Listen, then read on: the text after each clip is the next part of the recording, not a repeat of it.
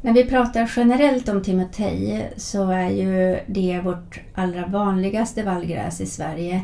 Det har hög smaklighet och djuren äter gärna utav timotej. Eh, den är något torkkänslig men den har eh, väldigt goda foderkvalitetsegenskaper och därför är den vår allra viktigaste vallgräs i Sverige.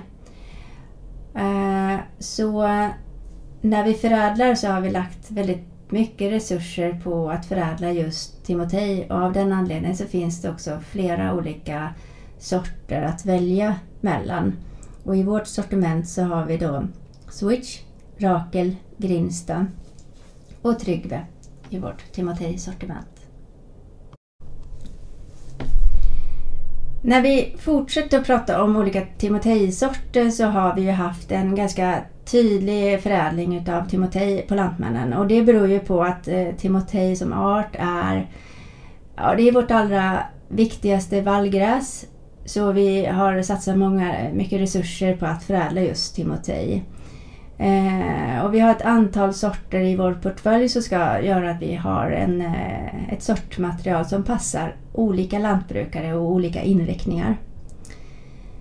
En timotejsort som vi har förädlat i Svalöv i Skåne heter då Switch och är på samma sätt som Grinsta en tidig timotejsort, alltså den har en tidig vippgång.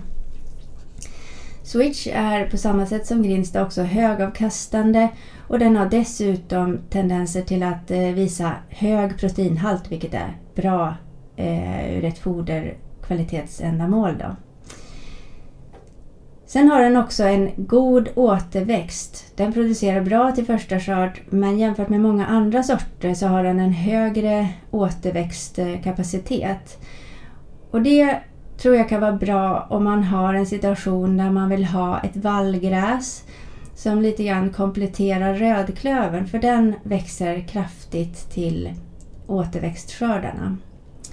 Så switch är ett alternativ om du letar efter en sort av timotej som är tidig, mycket högavkastande, har en hög protein, råproteininnehåll och som dessutom avkastar mycket till återväxtskördarna. Den är också provad i hela landet, både i norra och i södra Sverige. Och med södra Sverige menar jag då Svealand plus Götaland.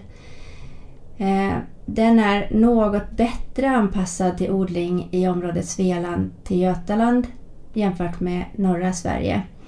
Eh, men den passar bra även för odling i norra Sverige.